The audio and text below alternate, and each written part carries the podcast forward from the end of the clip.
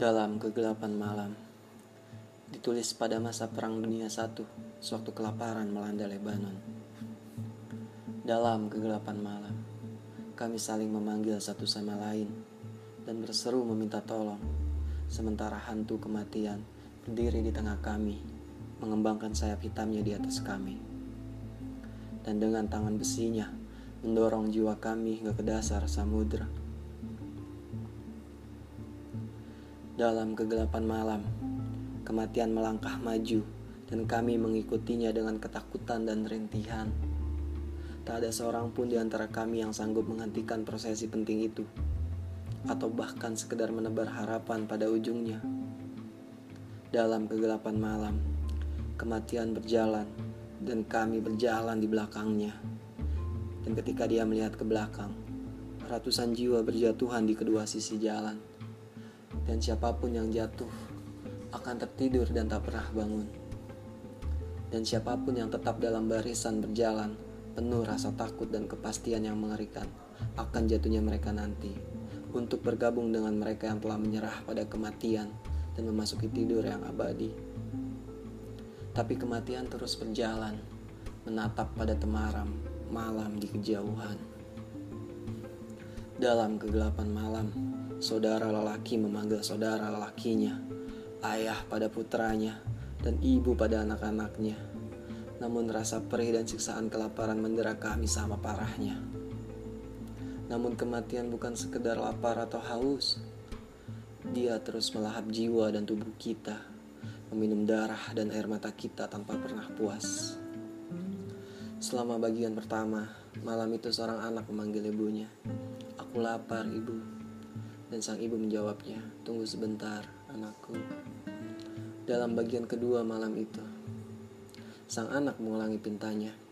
Aku lapar, ibu, beri aku roti. Dan ibunya menjawabnya, aku tidak punya roti, anakku. Dalam bagian ketiga malam itu, kematian datang dan menghantam keduanya. Ibu dan anak itu dengan kibasan sayapnya dan mereka berdua pun tertidur selamanya di tepi jalan. Dan kematian terus melanjutkan langkahnya, menatap pada temaram malam di kejauhan. Pada pagi hari seorang suami pergi ke ladang untuk mencari makanan. Tapi dia tidak menemukan apa pun selain debu dan batu.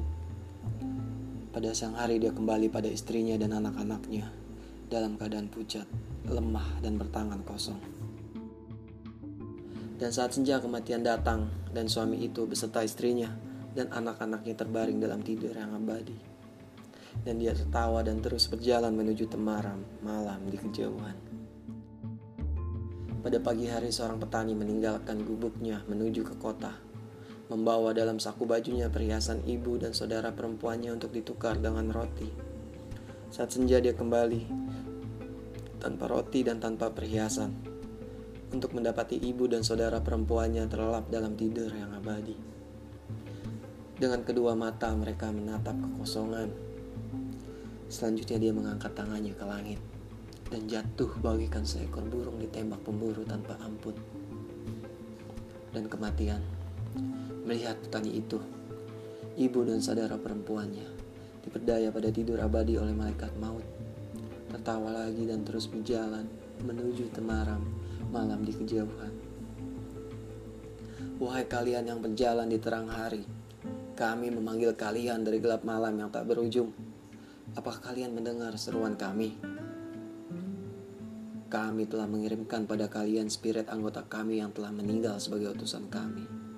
Apakah kalian memperhatikan kata-kata sang apostel? Kami telah membebankan pada angin timur genggaman kami Apakah angin itu telah mencapai tempat kalian untuk menurunkan bawahnya pada tangan kalian? Apakah kalian mengenali penderitaan kami?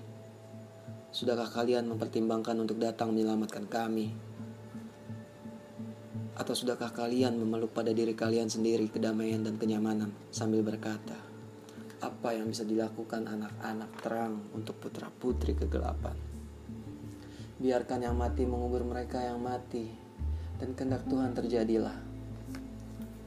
Ya, biarkan kehendak Tuhan terjadi, Tapi tidakkah kau bisa meninggikan dirimu di atas keakuan kalian Sehingga Tuhan bisa menjadikan kalian sebagai alat untuk kehendaknya Dan memanfaatkan kalian sebagai penolong kami?